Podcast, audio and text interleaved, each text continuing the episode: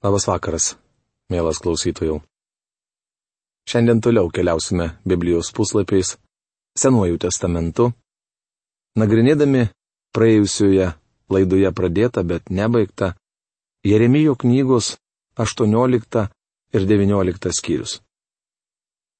Šių skyrių tema - ženklas podžiaus dirbtuvėje. Praėjusioje laidoje mes apžvelgėme podžiaus galę, molio savybės ir molio galę. Šiandien pratesime nagrinėjimų skyrių apžvalgą ir kalbėsime apie podžiaus asmenybę. Kaip pratę, paprašykime Dievo pagalbos suprasti jo žodį. Mūsų tėve, dėkojame tau, kad tu apreiškiai mums save šventajame žodėje. Dėkojame tau, kad tu viską tobulai atlikai savo sunuje, Jėzuje ir šiandien mes tikintieji galime ateiti pas tave ir naudotis tai išmintimi, semdamiesi iš tavo išminties lubino. Dėkojame tau, kad tavo dvasia atneša mums suvokimą. Tai, kas užrašyta šioje brangioje knygoje. Dėkojame tau už pranašą Jeremiją, kuris buvo vedamas tavo šventosios dvasios ir užrašė tavo jam įkvėptus žodžius. Prašom, kad padėtum suprasti tą dvasinę prasme, kuri yra įdėta į tuos skyrius ir padėtum mums viešpate tinkamai juos pritaikyti šiandieninėme gyvenime. Padėk mums Dieve susikaupti ir išgirsti tave prabylantį dabar. Tu melžiame Jėzaus vardu. Amen.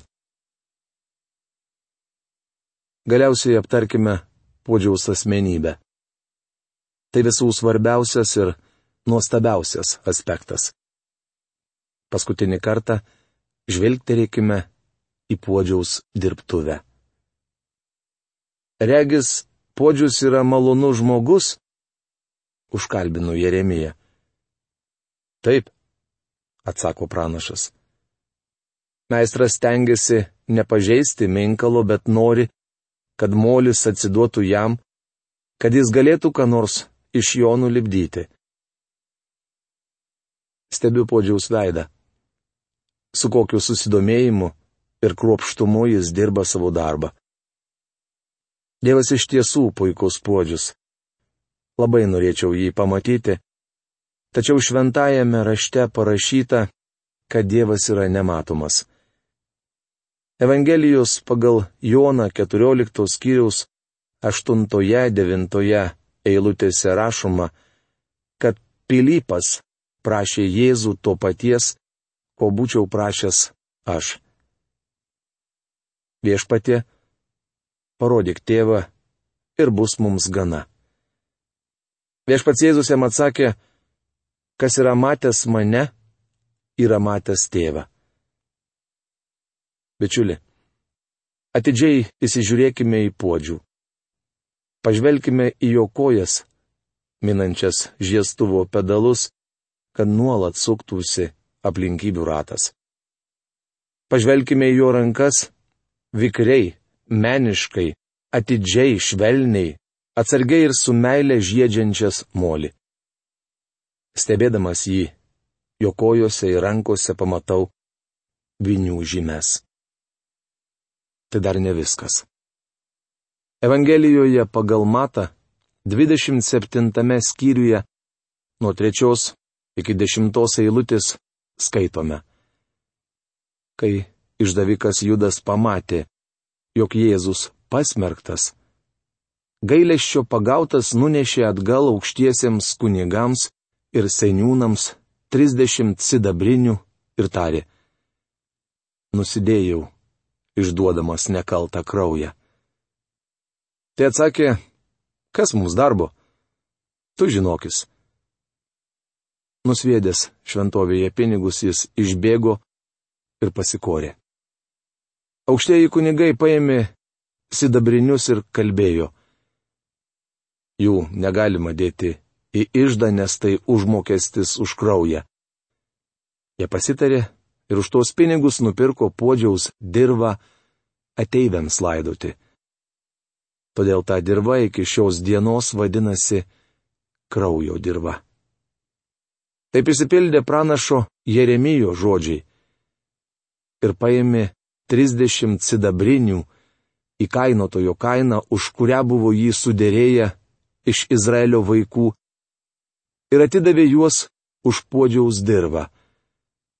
Taip man viešpats buvo paskyręs. Mane šokiruoja dvi eilutės. Jie pasitarė ir už tuos pinigus nupirko podžiaus dirbą ateiviams laidoti, todėl ta dirba iki šios dienos vadinasi kraujo dirba.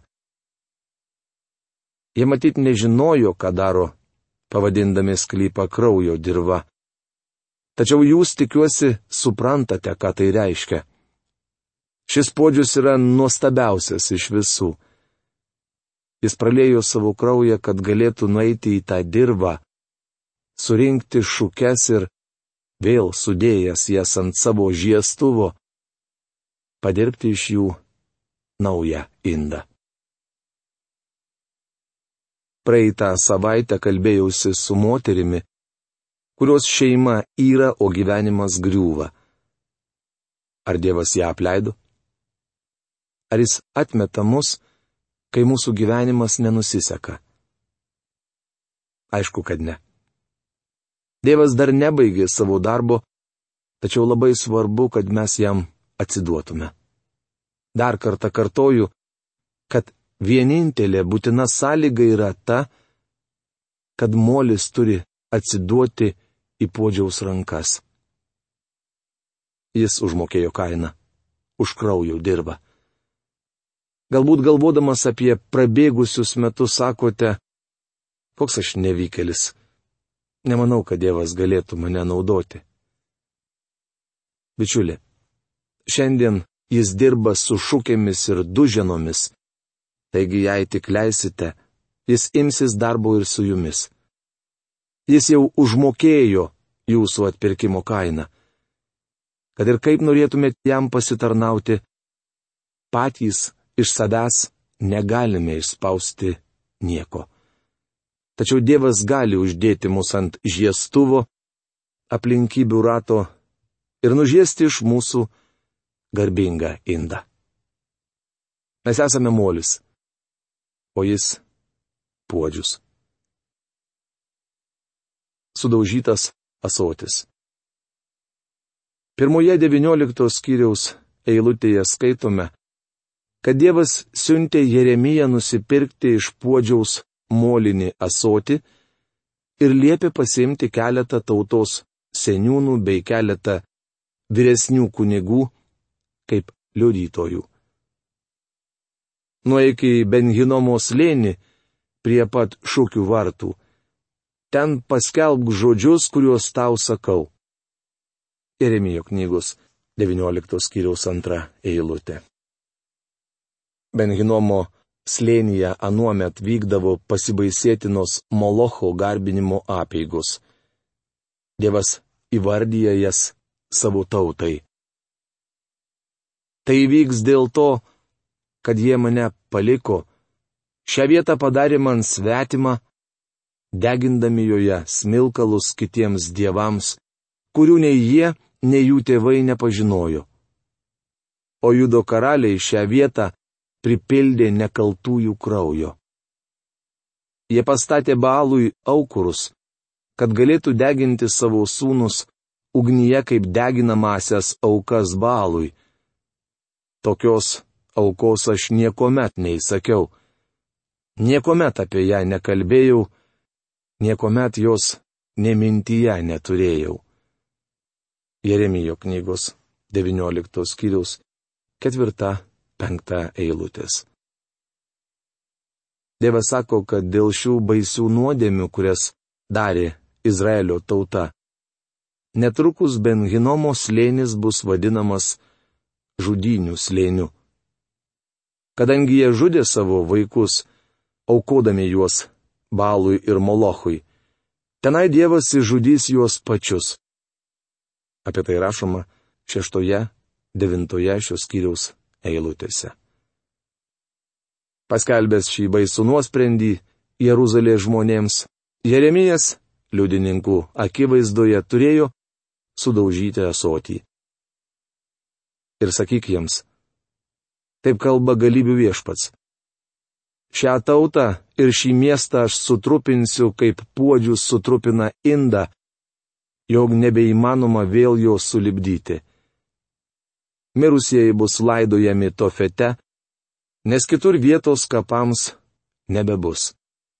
Jeremijo knygos 19 skyriaus 11 eilutė. Sugryžęs iš Tofeto arba Hinomo slėnio, Jeremijas atsistojo Dievo namų kieme ir tarė baigiamą į žodį. Taip kalba galybių viešpats Izraelio Dievas.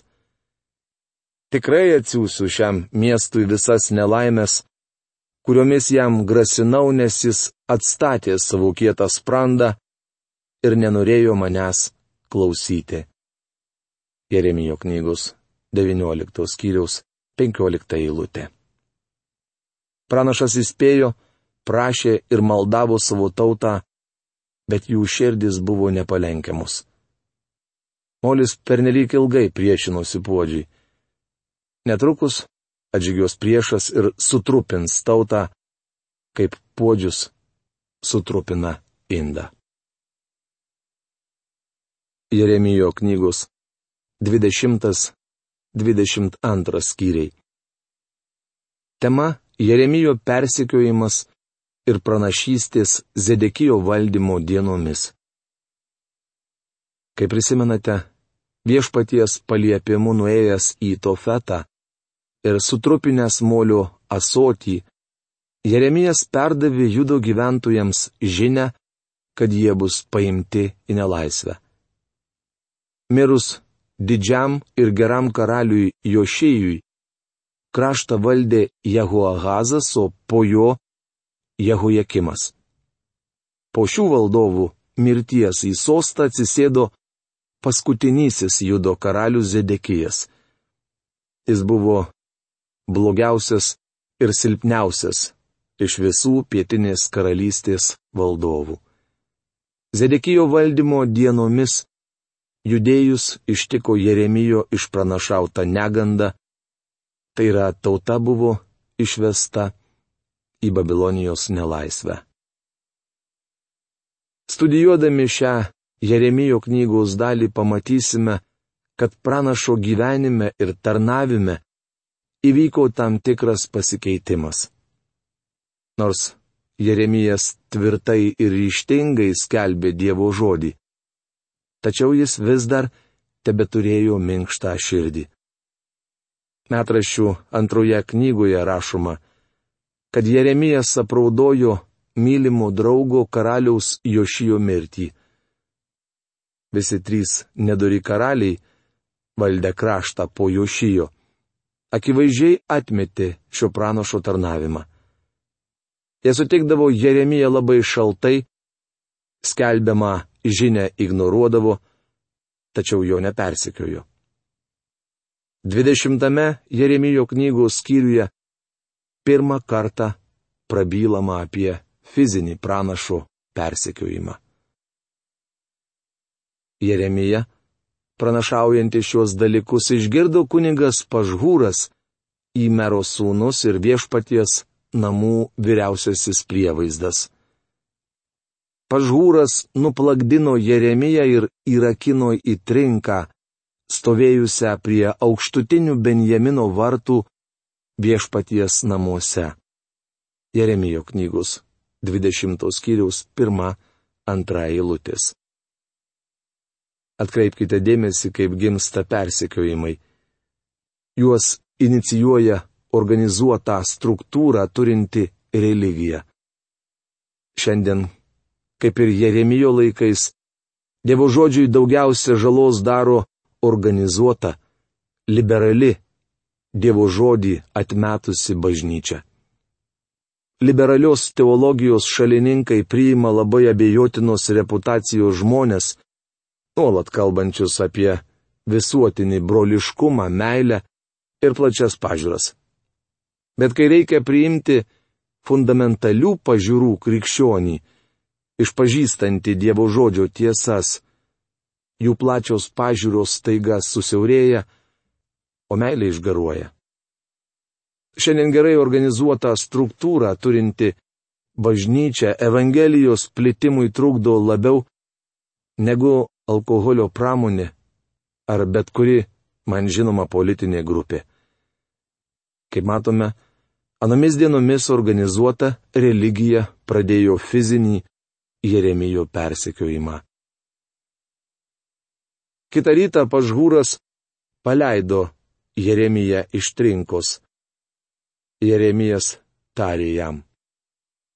Viešpats vadina tave ne pažhūru, o Magor Misabibu. Jeremijo knygos 20 skyriaus 3 eilutė. Be abejo, šis keistas vardas turi reikšmę. Pažhūras reiškia ramybė visur, o Magor Misabibas reiškia siaubas visur. Jeremija sako pažhūrui, kad Dievas atiduos siaubui jį ir visus jo artimuosius. Taip kalba viešpats. Tikėk manimi, atiduosiu tave siaubui, tave ir visus tavo artimuosius. Savo akimis matysi juos krintant nuo jų priešų kalavijų. O visą judo kraštą atiduosiu Babilono karaliui į rankas. Jis ištrems juos į Babiloną, arba išžudys kalaviju.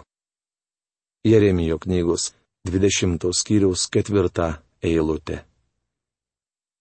Jeremijas nuolat pabrėždavo, kad pietinės karalystės gyventojai neišvengiamai bus paimti į nelaisvę.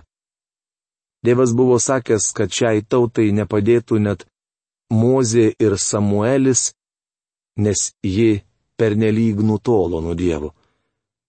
Tai rodo ir paskutinių trijų judo karalių veiksmai. Norėčiau paaiškinti, kas atsitiko Jeremijui.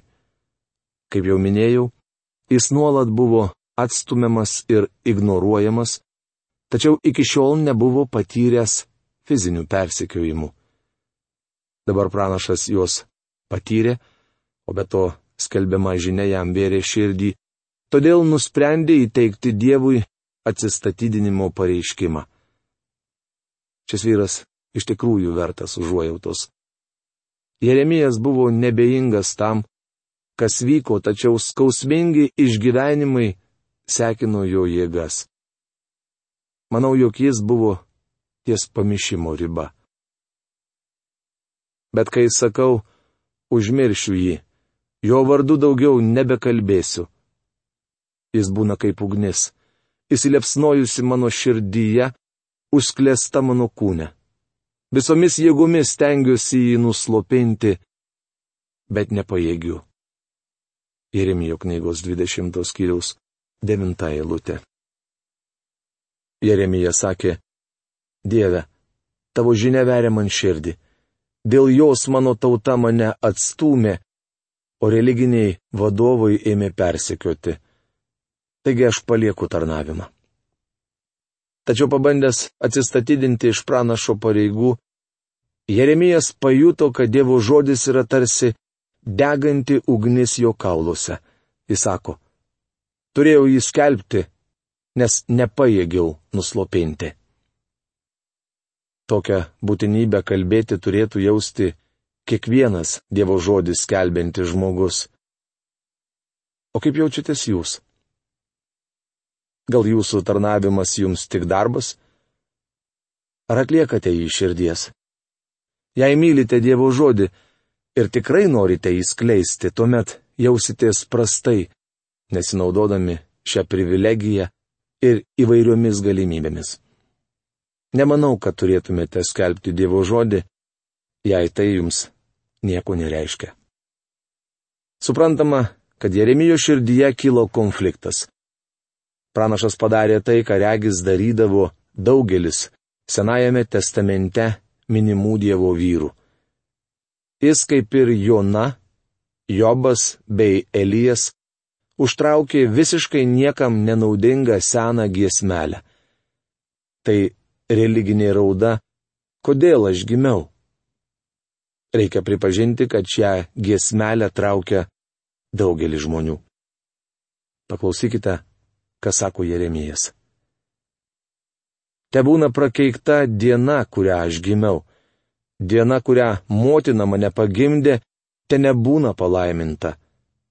Te būna prakeiktas žmogus, kuris pranešė mano tėvui žinę, berniukas tau gimė, tu turi sūnų. Jį didžiai pradžiugindamas. Jeremijo knygos 20 skyriaus 14-15 eilutės. Matote, kaip Jeremija savęs neapkenti. Jis troško, kad niekada nebūtų gimęs. Kamgi išėjau iš iššių? Pamatyti vien vargą ir skausmą, baigti savo dienas gėdingai? Jeremijo knygos 20 skyriaus 18 eilutė. Kaip jau minėjau, pranašas traukė seną giesmelę ir kamgi aš gimiau. Karalių pirmos knygos 19 skyriaus ketvirtoje eilutėje rašoma, kad panašiai elgėsi ir Elijas. Palindęs po kadagiu jis aimanavo, leisk man numirti. Tikriausiai prisimenate, kad taip elgėsi ir Jobas. Jis norėjo mirti ir keikė dieną, kada išvydo šį pasaulį. Liūdėsio prislėgtas pranašas Jona taip pat troško mirties. Mielas bičiuli, kaip kvaila gailėtis, kad gimėte. Jūs jau gimėte ir nieko nepakeisite. Galite raudoti ir sakyti, kad norite mirti, tačiau dėl to nemirsite. Šiame skyriuje rašoma, kad Jeremijas palūžo. Norėčiau apkabinti jį per pečius ir kaip nors padrasinti. Pranašas buvo baisiai nusivylęs, tačiau norėjo skelbti Dievo žodį. Nuo 21 iki 29 skyriaus skaitome pranašystės, kurias Jeremijas skelbė paskutinio judo karaliaus Zedekijo valdymo dienomis. Artėja metas, kai nebukadnecaras sunaikins Jeruzalę, o jos gyventojus išsives į nelaisvę. 21 ir 22 skyriuose užrašyta nepaprastai nemaloni žinia. Bet šių skyrių apžvalgą mes su jumis pradėsime kitoje mūsų laidoje. O šios dienos laidos laikas baigėsi. Iki greito sustikimo. Sudė.